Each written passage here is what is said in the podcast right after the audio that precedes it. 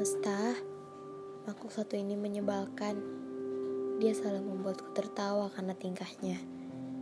Jadi, wajar saja kalau suatu hari nanti aku tidak bisa melupakannya.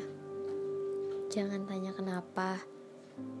Ya karena memang dia tidak pantas untuk dilupakan.